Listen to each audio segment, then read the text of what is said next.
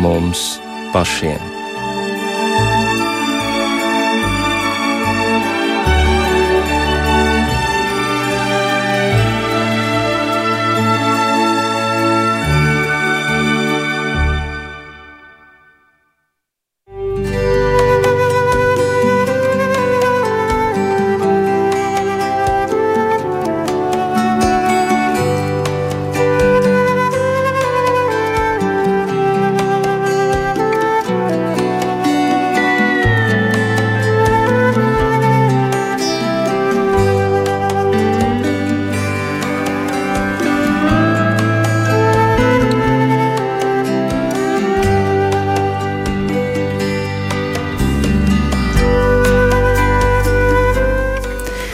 Esiet sveicināti raidījumā pāri mums pašiem, lai ir slavēts Jēzus Kristus.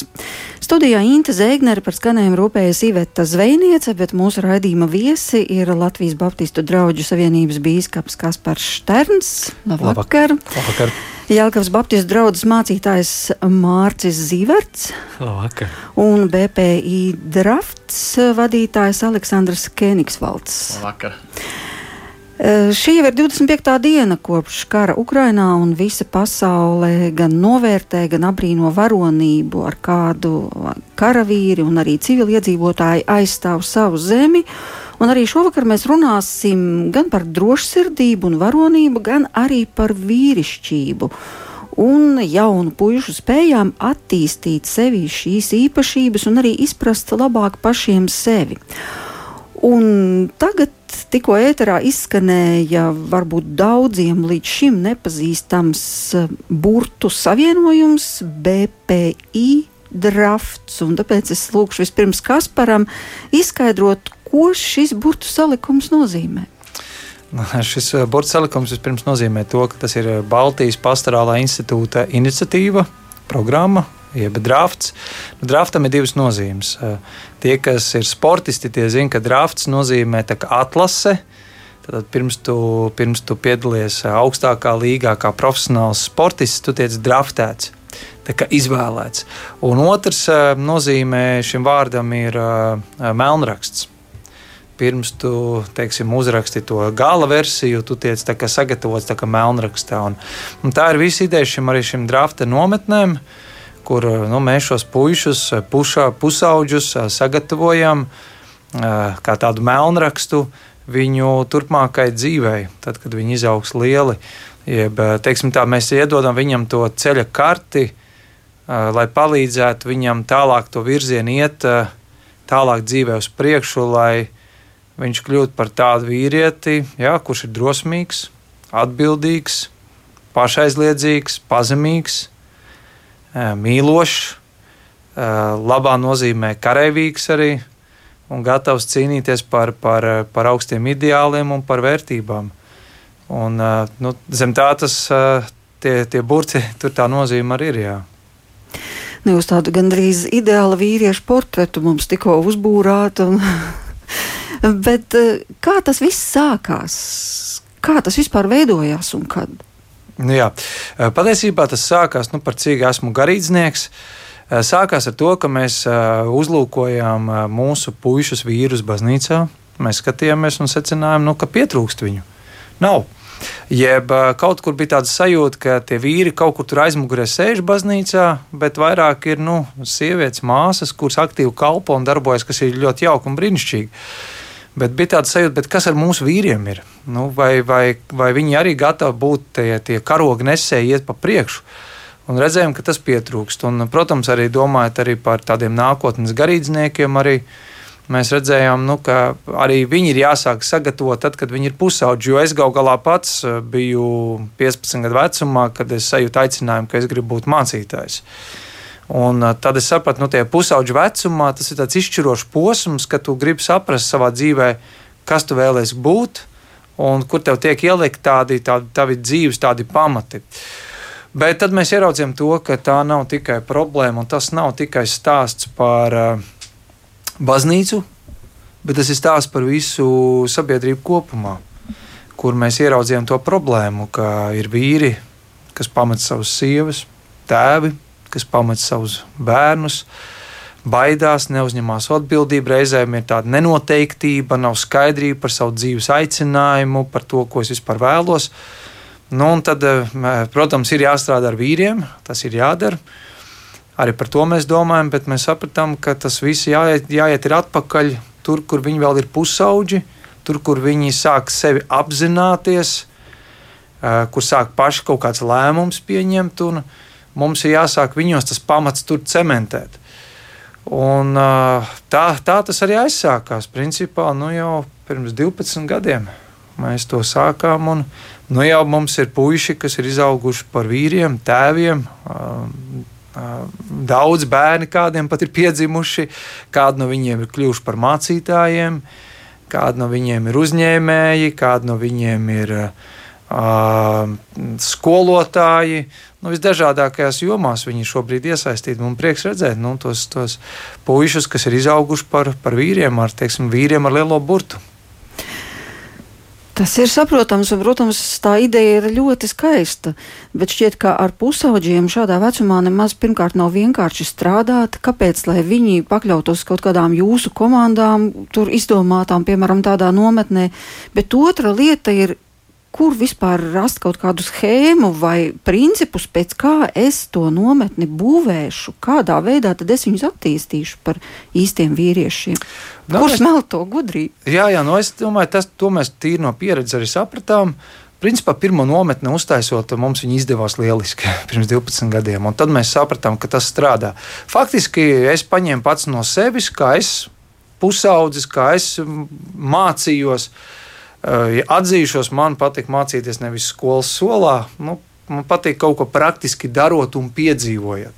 Un es domāju, tiem puišiem ir ļoti liela daļa puiši. Viņi mācās caur pieredzi, tad, kad viņi lietas piedzīvo, un tad, kad viņi tiek ielikti tādā nestandarta situācijās. Patiesībā viņos tāda iekšējā lauva sāk līst ārā. Ja? Nu, vienalga, ja tur ir kaut kas fiziski izaicinājumi, nav komforta. Uh, viņi, viņu tie limiti tiek, tiek izaicināti. Un, un patiesībā, jā, un tad mēs sapratām to, ka jāveido dažādi tādi šādi veidi uzdevumi, kas, protams, pamatā lielākā daļa no viņiem visiem ir dabā, kas ar man liekas ir būtiski, ka puiši var mācīties dabā. Pati daba viņus ļoti daudz ko pasaka viņiem un iemāca un, un dod viņiem pietiekoši lielu izaicinājumu, bet tam visam jābūt ar kādu jēgu un nozīmi. Ja, tas nav tā vienkārši pa tukšo, vienkārši tur nezinu, skrien pa dubļiem un mocies. Bet katram, tai, katram tam uzdevumam ir kāda jēga, nozīme un mērķis, ko mēs ar pēc tam diskutējam un pārunājam. Un patiesībā, nu, ja man tā kā tāda mācītāja, un tā mana kancele, kancele ir meša. Meša, upe, jūra, kur tā platforma, kurā es esmu ar viņiem pie ugunskura. kura Un viņi ir vienkārši atvērti klausīties, mācīties, jo viņi kaut ko ir piedzīvojuši kopā ar mums. Jā, Aleksandra, jūs varētu raksturot, piemēram, vienu šādu nometnes dienu, vai varbūt tos ekstrēmākos uzdevumus, kas ir jāveic.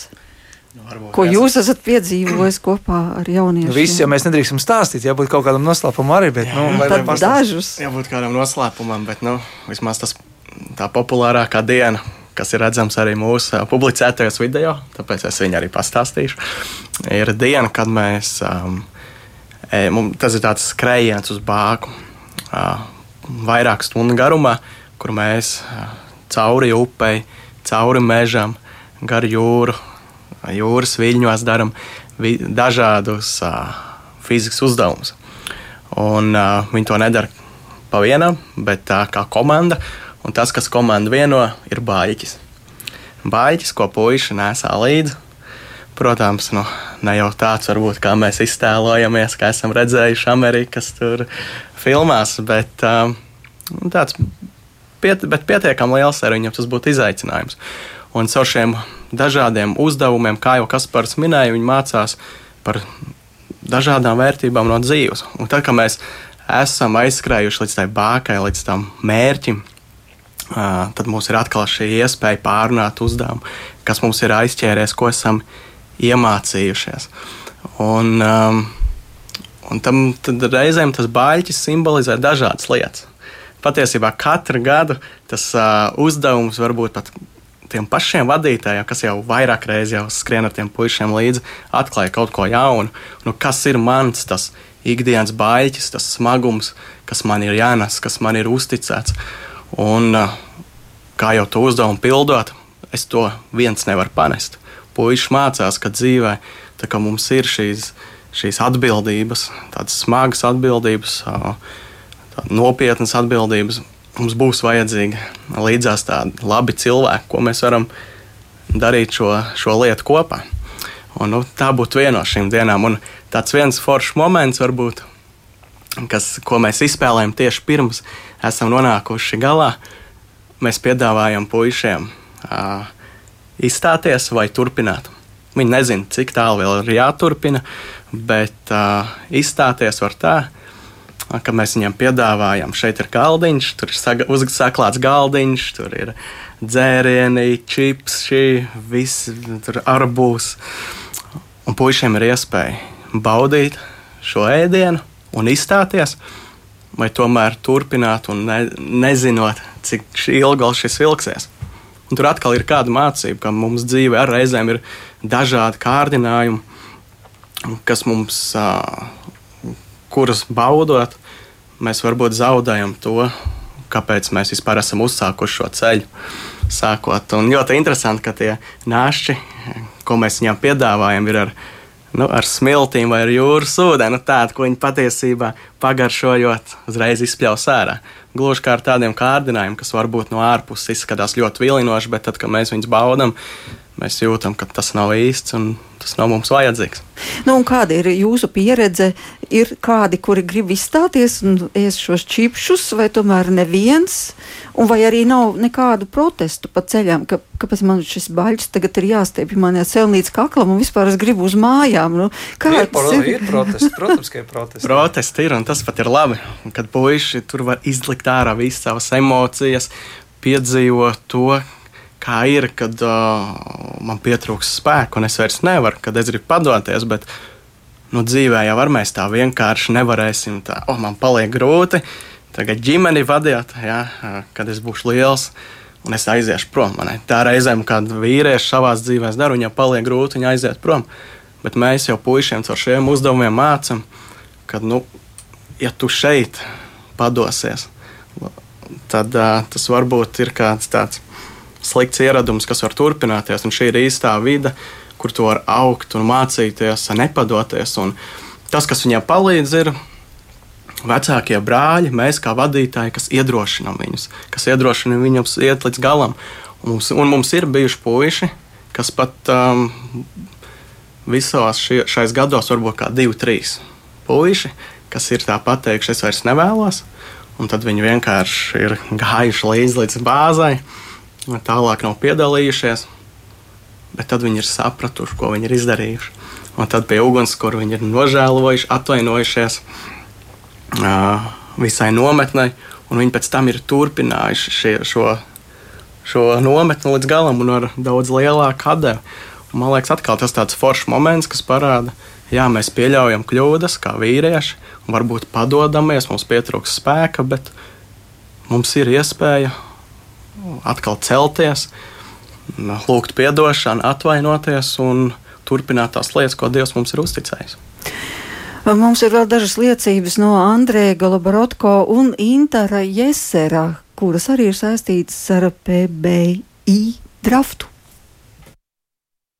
tehnoloģiju attīstība un komfortablie dzīves apstākļi puišos uh, iemidzina vīrišķību. Un laikmetā, kad viss notiek strauji, ātri, mums ir iespēja un mēs gribam visu iegūt tūlīt, uzreiz, uh, patiesībā nekas mums apkārt netrenē pacietību. Un tas savukārt noved pie tā, ka vīri nav gatavi uzņemties atbildību. Uh, BP drafts ir vide, kur puiši tiek satricināti, kur tas lauva, vīrišķība, kas ir viņos, tiek pamodināta, un viņos tiek ieteikta dzirksts, ja vīzija par to, kādi vīri viņi reiz vēlētos kļūt. Pie mums brauc puiši no visas Latvijas, un uh, dodoties atpakaļ ar to potenciālu, kas viņos tiek atvērts, es no sirds ticu, ka Latvijai ir nākotne un ka mūsu tautai ir cerība. Šis ir mans devītais gads draftā, un pēdējos trīs no tiem es iesaistos kā viens no nometnes vadītājiem. Es atceros savu pirmo draftu, man uzmanību piesaistīja visas trakās aktivitātes un uh, citas spēles. Un es domāju, būs forši, tāpēc ir jābrauc. Bet atbraucot, man uzmanību piesaistīja katra lekcija, ko es dzirdēju par vīrišķību, katrs uzdevums, kas man lika domāt par to. Un uh, šeit mūs arī sauc par vīriem. Es nāku no vidas, kur šis vārds varbūt netika tik bieži lietots. Līdz ar to es arī nezināju, ko nozīmē būt vīrietim. Un šodien es redzu, ka ģimenēs ļoti bieži par to nerunā, skolās to neiemācās, un sabiedrība vispār par to nerunā. Un tieši tāpēc es iesaku katram jaunam džekam, katram jaunam vīrietim braukt uz draftu un satvert savu vīrišķības identitāti.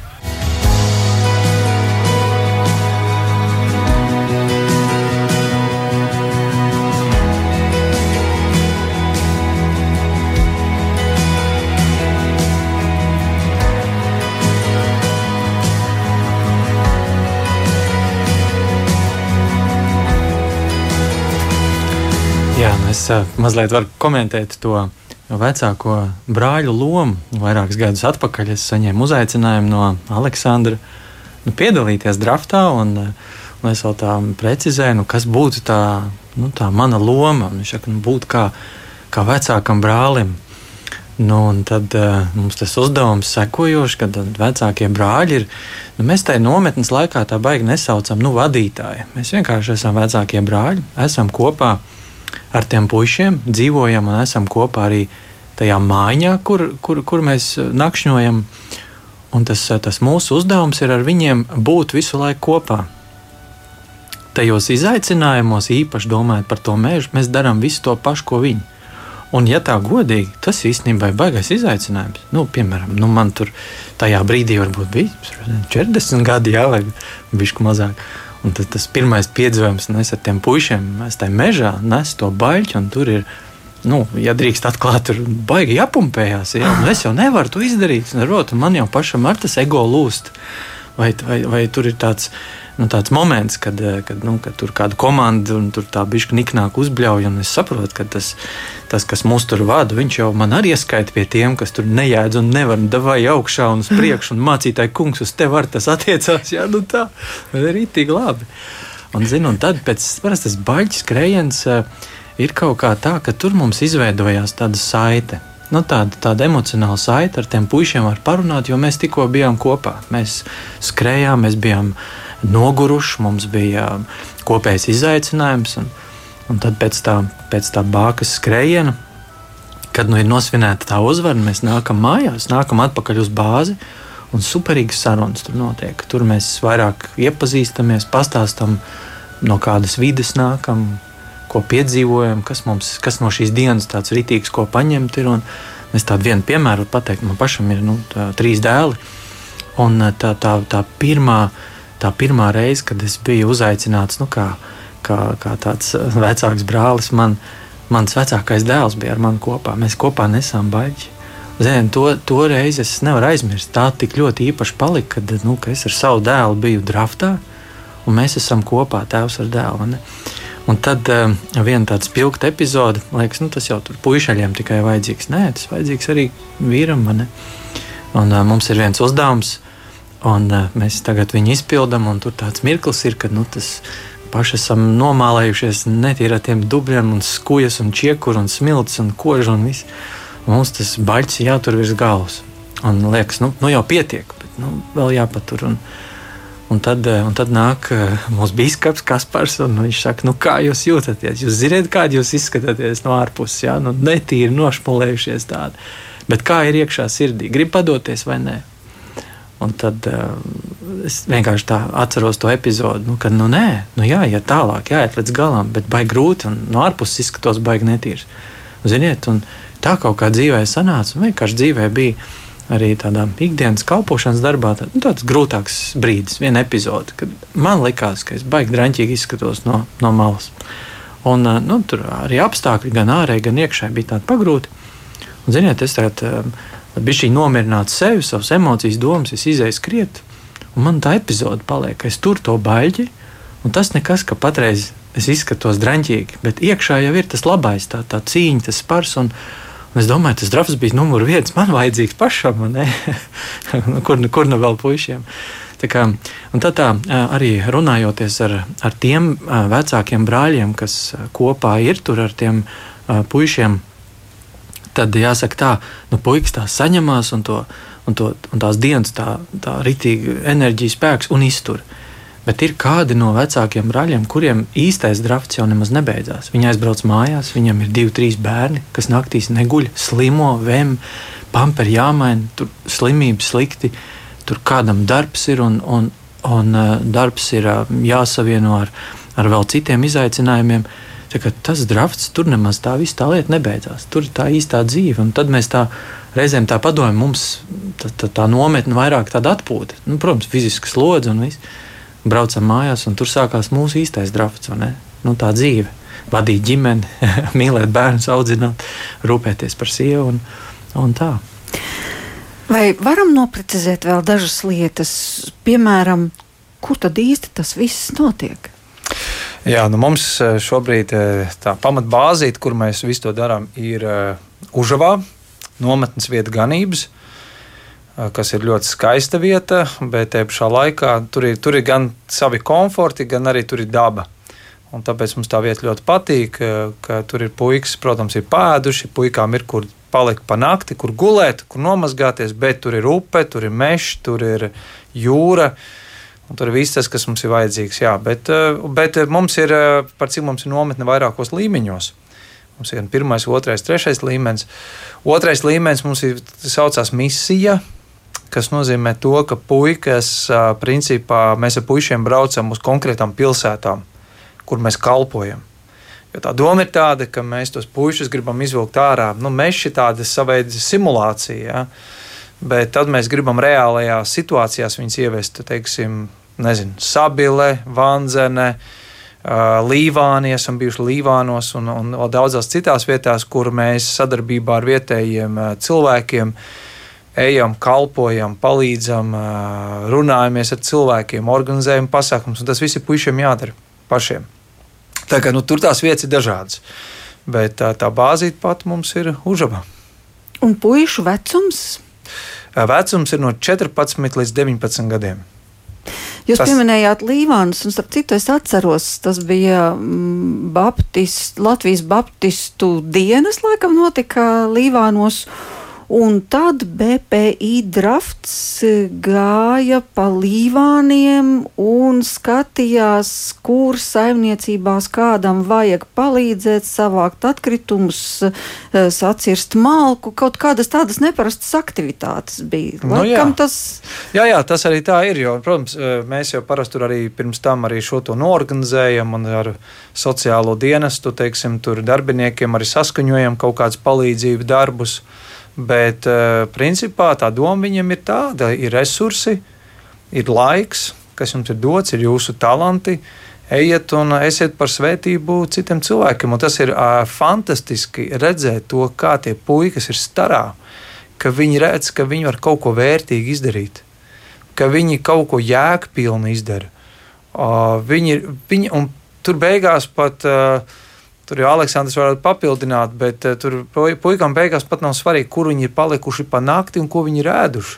Kas pusaudzim varbūt liekas prioritāte, bet viņam ir tas prieks un tas gandarījums, ka viņš kādam cilvēkam ir palīdzējis, ka viņš ar kādu cilvēku ir parunājies, iedrošinājis nezinu, palīdzējis istabu, tur varbūt izremontējis, kādam logus nomazgājis, kādam malku saskaldījis. Un, un, uh, tur viņi iesāka apzināties to to dzīves, to, to uzdevumu, to īpašo skaistumu arī tajā, ka mēs varam kaut ko labu izdarīt otram un, un kaut ko vērtīgu, un ka viņos ir potenciāls milzīgs.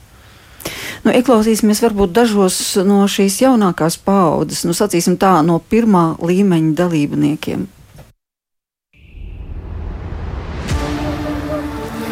Šodien bija lekcijās mācību to, ka, eh, kā kļūt par īstu vīrieti īstam vīrietim ir vajadzīgs trīs īpašības - būt eh, pacietīgam, būt atbildīgam, pabeigt iesākto darbu. Jo pusē jau bija tā, ka nu, viss tā, cik var, nu, cik var iet uz priekšu, kā es negribās. Never burning out, burning out. Never burning out, burning out. Tas bija um, fiziski man mūžā visstiprākais, ko es kaut ko vispār esmu mūžā darījis. Fiziski jāpeld, bija pāri upei. Nu, tās arī bija bailes jāpārvar visu laiku. Baļķis jānes bija pa visurienu, visādi uzdevumi. Tad viss cauri dubļos bija, aizrijos ar dubļiem. Baigi labi arī uzdevumi ir gan fiziski, fiziskā ziņā, gan mentālā, garīgā ziņā. Lai satiktu jaunus draugus un tiktu tuvākās attiecībās ar Dievu. Un arī, protams, uztrenēt bišķi fizisko un arī garīgo veselību. Man uh, personīgi drafts ir devis daudz, jo uh, es pirmo reizi draftu atbraucu 2013. gadā. Es biju tikko zaļš kristietis, tikko nācis pie Jēzus, izvēlējos sekot Jēzum ar savu dzīvi. Un, uh, man piedāvāja braukt BP drafts uz nometni, kas, ko es nezināju, kas tā vispār ir. Es aizbraucu un, un tur bija kāda džeki, tur bija kādas foršas aktivitātes, tur bija kāda forša uzdevuma. Un uh, ar to visu, ar to attiecībām, ar to draudzību starp jaunākiem brāļiem, vecākiem brāļiem, es piedzīvoju Dievu. Es piedzīvoju Dievu, kā viņš darbojas arī manā dzīvē, kā, kā, es redzu, kā es varu pieaugt. Un redzu, kā es varu kļūt par vadītāju. Pēc manām domām, īsts vīrietis ir tāds, kurš izdara lietas līdz galam, nepadodas pat uh, visgrūtākajos brīžos.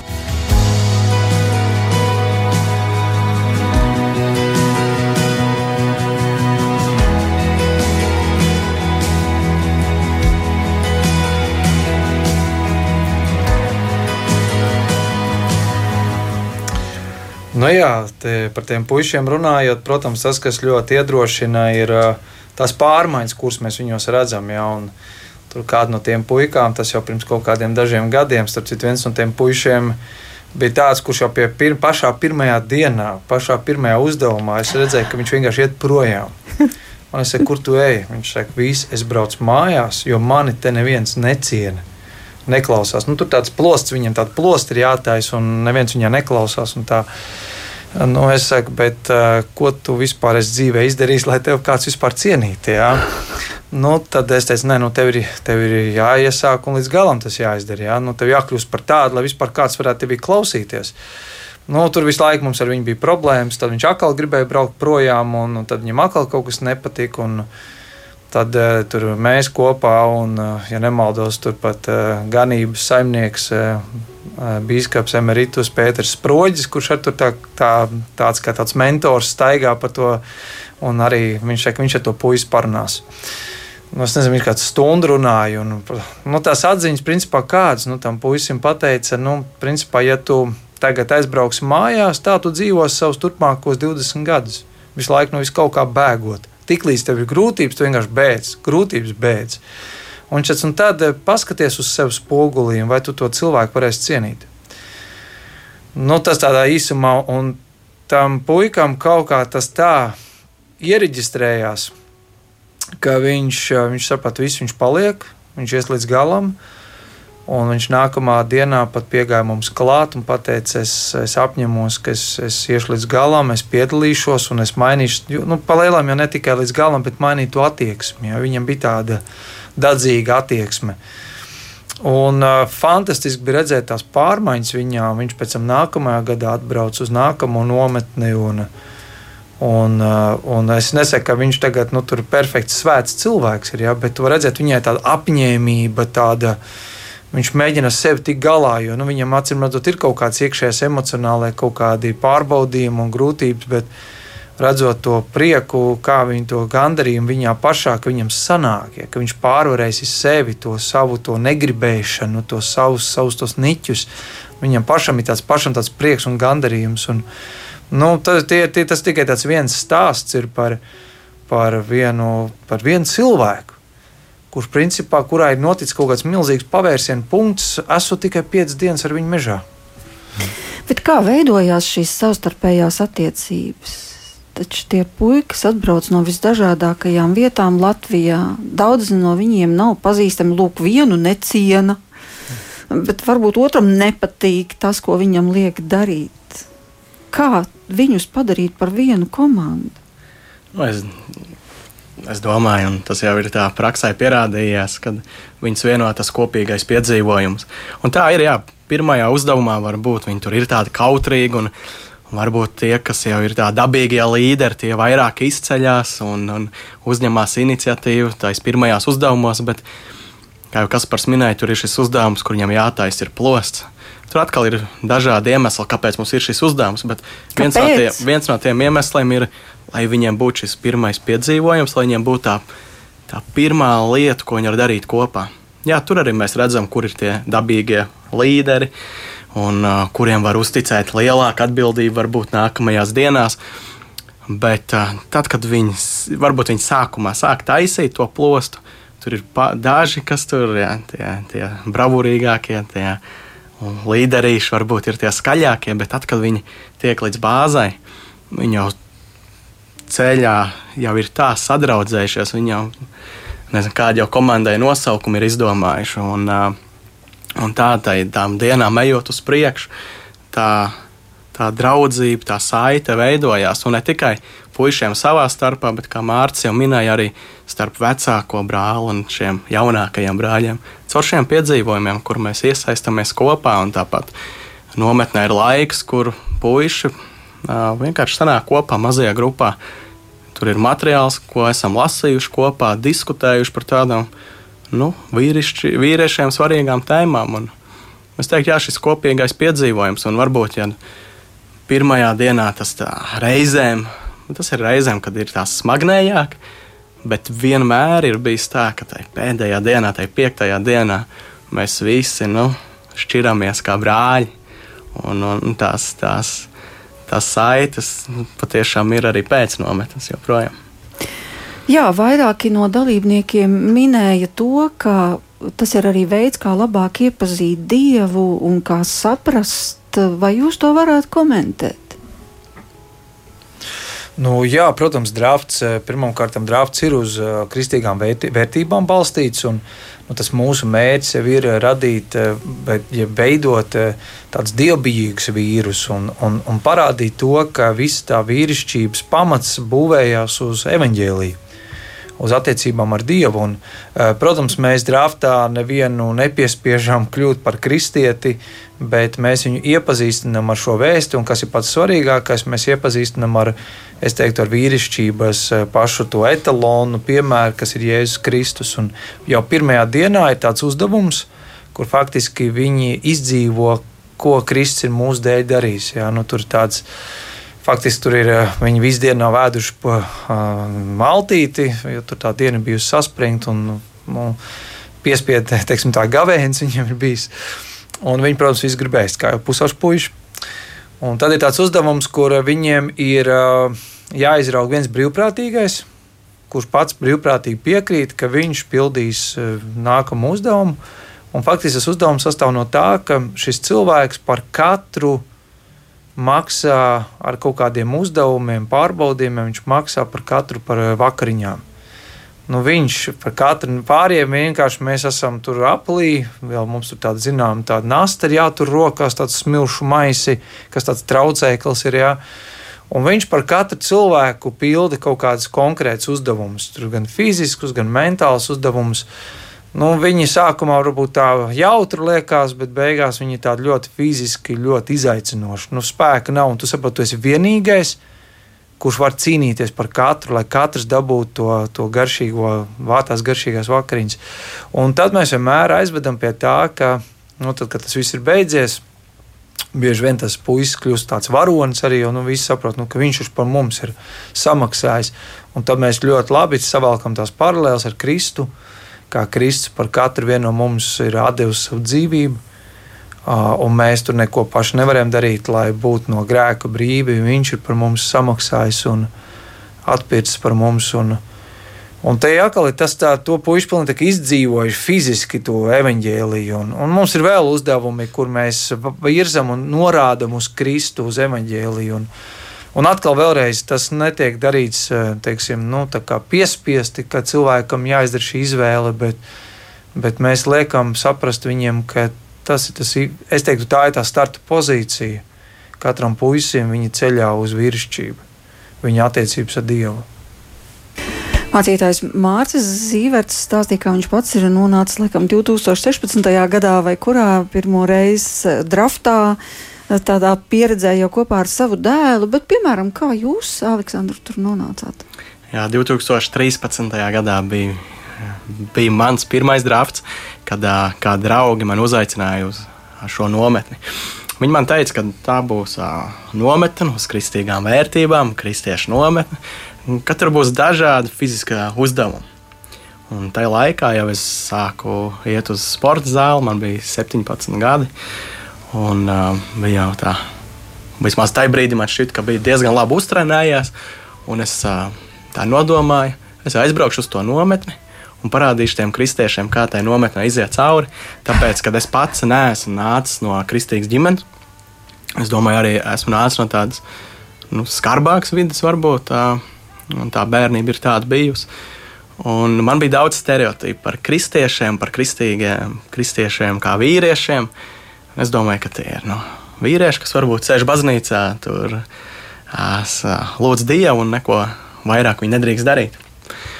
Un tā es aizbraucu uz šo nometni, un nu jau pie, ar, tā, ar tādu bravurīgu attieksmi es aizbraukšu, te pierādīšu kaut ko. Es parādīšu, parādīšu ja? kam, jā, es nezinu, kam, ko es biju jā, savā 17 gados ieņēmis galvā. Un tā ir pašā tā ir bākas skrējienā, par ko iepriekš minējām, tā ir otrajā dienā. Es biju pārgurs. Es biju ļoti pārgurs, un mēs tikām līdz, līdz tai bākai. Tur bija tāds atkal tā nobeiguma uzruna. Bet tad uh, vadītāji, vecākie brāļi izspēlēja tādu joku, un es tam baigi noticēju. Teicu. Un tagad mēs skriesim atpakaļ līdz bāzei. Un man liekas, es taču vairs nevaru pavilkties, un mēs sākam skriet. Un tajā brīdī es jūtu, nu, man sāk asars virt. Šodien, ar šodienas tādām acīm es secinu, ka varbūt tas bija mans tas brīdis, kur Dievs man tā salauza. Tādā ziņā, tādā veselīgā ziņā, kad es kļuvu pazemīgs un sāku ieklausīties vispār brāļos, vecākajos, ko viņi cenšas caur šiem uzdevumiem pateikt, ko viņi cenšas mums pastāstīt caur dažādām lekcijām. Un no tā brīža es sāku ieklausīties, ieraudzīt to, ka patiesībā būt vīrietim, kas seko Kristum, ir ļoti izaicinoši. Jo Kristus jau neaicināja mūs sēdēt solos, viņš patiesībā izaicināja mūs būt tādā diezgan ekstrēmā vidē, ja mēs vēl paskatāmies uz tiem, kas uz Kristus mācekļiem. Un, uh, pēdējā nometnes dienā bija šis jautājums, ko tu darīsi nākamajās 24 stundās, un es teicu, ka es sākšu lasīt Bībeli. Es pirmo reizi pats atvēru Bībeli un mēģināju atrast raksturvietu tajā nometnē, drafts nometnē. Un, protams, tad, kad es aizbraucu mājās, es to nedarīju, jo es biju nenormāli pārgājis. Bet tajā pašā gadā, 2013. gadā, es izdarīju savu izvēli, sekot Kristum un kristījos, un tā aktīvi iesaistījos gan draudzē, gan jā, tādā lokālā kalpošanā. Un no tā brīdi, jā, priekš manis tā kristietība, sekošana Kristum ir bijusi tāda, jā, tas vīrišķības pats, pats pamats. 17 gadi jums bija? Man bija, jā, es domāju, 17 gadi. 13 gadus. Cik mārciņu jums bija gadi, kad jūs atradāt Dievu? Uh, 16 gadi. Mm. Es iestājos Engūras jūras skolā, pirmajā kursā. Un man kursa biedrs man bija um, savu problēmu, tur pārdzīvojums ar ģimenē, draudzībā ar meiteni. Un man kursa biedrs uzaicināja uz dievkalpojumu, un es, un es baigi biju dvēselē noskums. Man negribējās vairs ne, ne, to, ne to jūras skolu, neko vairs. Un es aizgāju uz dievkalpojumu, ja man bija 16 gadi kad es pieņēmu Jēzu Kristu kā savu glābēju. Un tas tā kā vienā dienā notika? Tas notika man vienā dienā, jā. Vēl no jūsu biogrāfijas mani ļoti pārsteidz fakts, ka jūs no tās pašas dienas sākot nolēmāt pierakstīt lūkšanas un arī pierakstīt kladē cilvēkus, kurus esat sastopis un nolēmāt par šiem cilvēkiem lūgt. Jā, tas varbūt tas nav tieši tajā pašā dienā. Man bija mans mācītājs, kurš uh, līdzīgi bija praktizējis to. Un uh, es vienkārši, mans tāds pirmais apmeklējums bija uh, ceturtdienas vakar, nu, kā Engurē jūras skolā bija. Un uh, ceturtdienas vakaros Mērsagā bija vakara dievkalpojumi. Tur bija daži cilvēki, kas nāca lūgties. Tur izskanēja dievvvārds, un tad bija lūkšanas. Un vēlāk Nu, es vienkārši secināju, ka lūkšanas tā ir baigā svētīgā lieta. Tur notiek kaut kāda dievišķa, mistiska iejaukšanās, jo cilvēks saņem atbildes uz šīm lūkšanām. Un tad vēlāk es vairāk iepazinos, komunicēju ar savu mācītāju, Jānu Palo, viņš teica, ka viņš tā praktizē. Un es no tā brīža arī sāku to praktizēt līdz šai dienai. Es lūdzu par daudziem cilvēkiem. Jā. Arī par savu sievu īstenībā. Viņa bija kā meitene atbraukusi uz vienu nometni. Es vienkārši biju lūdzies par daudziem jauniešiem, un nemaz nezināju, ka mana sieva bija tajā lūkšanas sarakstā. Jā. Bet nu, tas tā, pa citu tēmu. Ja mēs atgriežamies pie šīs vīrišķības un pie vīrišķības izpratnes, tad kā jums šķiet, vai varbūt mūsdienās ir mainījusies sapratne par to, ko nozīmē būt īstam vīrietim vai ko nozīmē būt vīrišķīgam. 19. gadsimtā bija reāli nepieciešams fizisks spēks, nu, varbūt lielāka piepūle. Tagad vairāk arī vīrietim ir tomēr intelektuāls darbs. Nu, es teiktu tā, ka pirmkārt tie ir stereotipi, kas saka, ka vīrietim jābūt tur ritīgam skapim. Ja? Kaut gan es teiktu tā, man liekas, ir labi, ja vīrietis var piepumpēties ka var būt šī kāds dažs kilometrs arī noskriet, nu, ka viņš var arī savās rokās kaut kādus savus bērnus noturēt. Jā. Tas ir labi. Un par veselību ir fiziko jārūpējās. Ir. Bet es domāju, ka stāsts jau nav tikai par to fizisko. Stāsts ir vispār par to, nu, kas ir vīrietis kā tāds. Jā. Un skaidrs, ka kaut kur tas mainās. Un iespējams, ka tā sabiedrība liek mainīties. Bet es domāju, ka Dievs jau no paša sākuma ir radījis vīrieti un sievieti, un katram no viņiem viņš ir radījis ar uzdevumu, ar zināmu lomu. Un tas, tas nav mainījies. Tas ir tas pats nemainīgais, mūžīgais, kam mēs uzticamies. Tas, kas man liekas, vienkārši, kas varbūt šodien pietrūks, un tas, teiktu, tā drafts un ir līdzīgas kustības, kas to dara, kas domā par to, lai būtu šī šī vīrišķības saucamā iniciācija notiktu, jā, kur, kur no tā puišeļa tu vari kļūt par vīrieti. Un, un kaut kur tas varbūt šodien iztrūkst, jā, jo, teiksim, senajās kultūrās, cik es esmu lasījis, ir bijis ļoti tā iniciācija, viņi notikusi, piemēram, kādā veidā puisīts jaunietis, viņi ievada ielaiž džungļos, principā, nu, Tad, ja tu izdzīvos un atnāks atpakaļ mājās, tu būsi kļuvis par vīrieti. Ja neizdzīvos, tad tu tur arī paliks. Protams, ja tas tā skarbi ir, bet, ja nemaldos, kaut kad savā laikā Latvijas televīzijā bija tāda filmu sērija par dažādām šādām ciltīm, kur joprojām šī iniciācija notiek dažādos veidos. Un es domāju, ka šodien kaut kur tas varbūt iztrūkst, jo, jo tas puisis uzauga pa lielām, komfortablā vidē Viņam ir vecāki, kas par viņu, protams, rūpējās, un tas ir aiz tādiem labākiem nolūkiem. Viss dzīve viņam ļoti ir ērta, ļoti viegli, īpaši šodien rietumu pasaulē.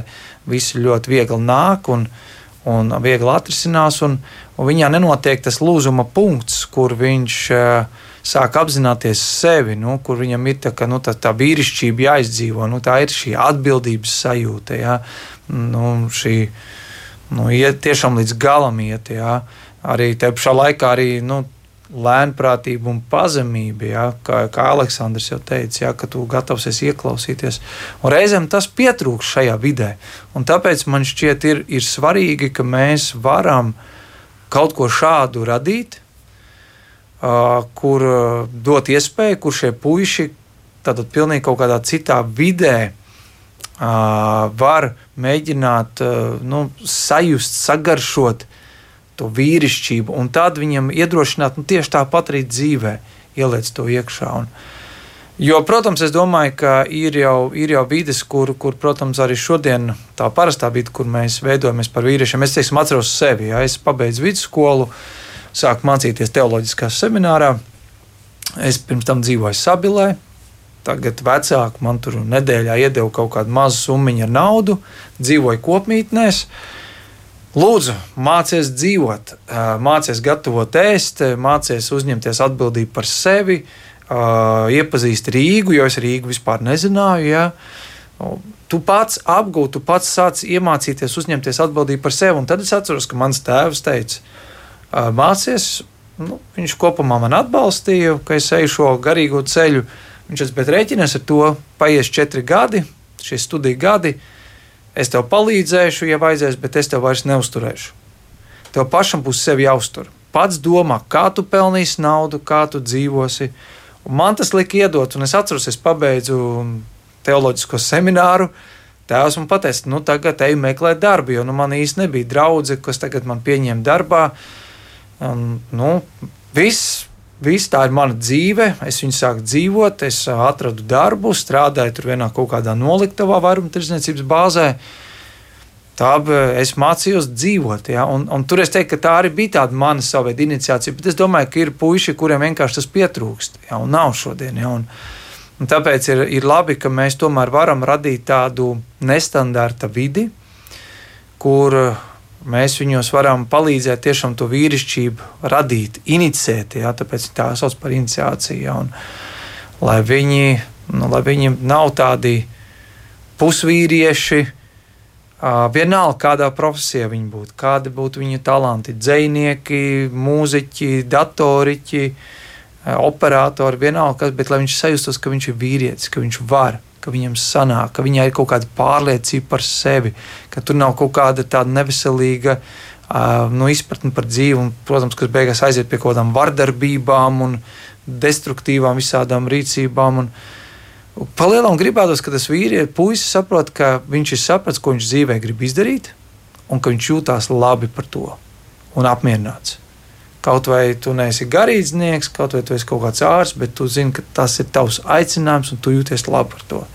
Nu, tas ir tas, ko es domāju, ko mums ir svarīgi palīdzēt eh, šodien tiem vīriešiem ieraudzīt un, un satvert.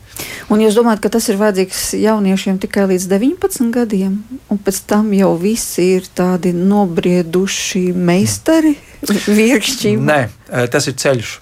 Un es to pats priekš sevis saprotu. Es pats joprojām veidojos kā vīrietis. Man ir četri dēli, un viņi man ir ļoti labi skolotāji, jeb spogulis, kas man palīdz ieraudzīt. Bet uh, skaidrs, ka tas nebeidzas ar vienu nometni.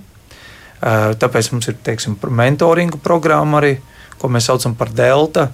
Kur puiši ir cauri gadi tiek mentorēti, bet tas ir stāsts arī par pieaugušiem vīriešiem. Viņiem jāturpina augt, un tāpēc mēs šogad uh, pirmo reizi organizēsim arī vīriem. Ļoti līdzīga nometne, tur drusku varbūt kaut kas būs savādāks, bet mēs sapratām, ka mums arī jāuzrunā ir jau pieauguši vīrieši. Viņam arī jādod tas grūdienis ir, jā, uz, uz tām pārmaiņām. Un, tā kā, jā, tas, ir, tas ir process, sākās nometnē, bet turpinās dzīvē, kā jau Mārcis pirms minēja. Un vēl gribu noslēgumā pavaicāt par to biedra plecu Jūs vairāk kārt minējāt par baļķa kopīgu nešanu. Cik ir svarīgi just to otra vīra plecu blakus? Jo varbūt dažkārt vīrieši salūst dzīvē tieši tāpēc, ka nav šīs kopīgās brālības. Tas, kas varbūt ir nometnē uz mazu laiku. Nu, es jā, domāju, tā ir tāda lieta par ko jau tā jau vairāk sāk runāt, nu, ka vīrietim ir vajadzīga šīs vīru grupas, šī vide, kur būt kopā ar citiem vīriem. Vai kaut vai uh, otra lieta, kad vīram var būt kāds cits vīrs, ko saucam jā, mūsdienās par mentoru, ar ko mēs kopā varam iet šo ceļu. Tieši tā. Um, labi, puišiem tā ir nometne, un pēc nometnes mēs viņiem piedāvājam šo, šo iespēju tikt mentorētiem, iesaistīt, turpināt sevi ieguldīt un iet šo vēl kādu ceļu posmu kopā ar vecāko brāli. Bet tāpat arī es ticu, un nu, arī man joprojām ir kāda vīra, ko es kopā eju savā dzīvē, no kuriem, kuriem es varu pa, paprasīt padomu, no kuriem es varu mācīties, un kas man tur arī pie atbildības, kas man tur pie atbildības savā ikdienā. Jā, nu to mēs arī novēlētu visiem tiem vīriem, kas varbūt mūs ir dzirdējuši šovakar, un lai jums izdodas jūsu nākošais šīs vasaras drafts. Un paldies par to, ka atradāt laiku būt kopā ar mums šajā raidījumā. Saku Latvijas Baptistu draugu savienības bīskapam Kasparam Šternam, Jāgavas Baptistu draugu mācītājam Mārcim Zīvertam un BPI drafts vadītājam Aleksandram Kenigsvaldam. Kopā ar jums šovakar bija Inta Zēgnere, bet par skanējumu rūpējās Iveta Zvejniece.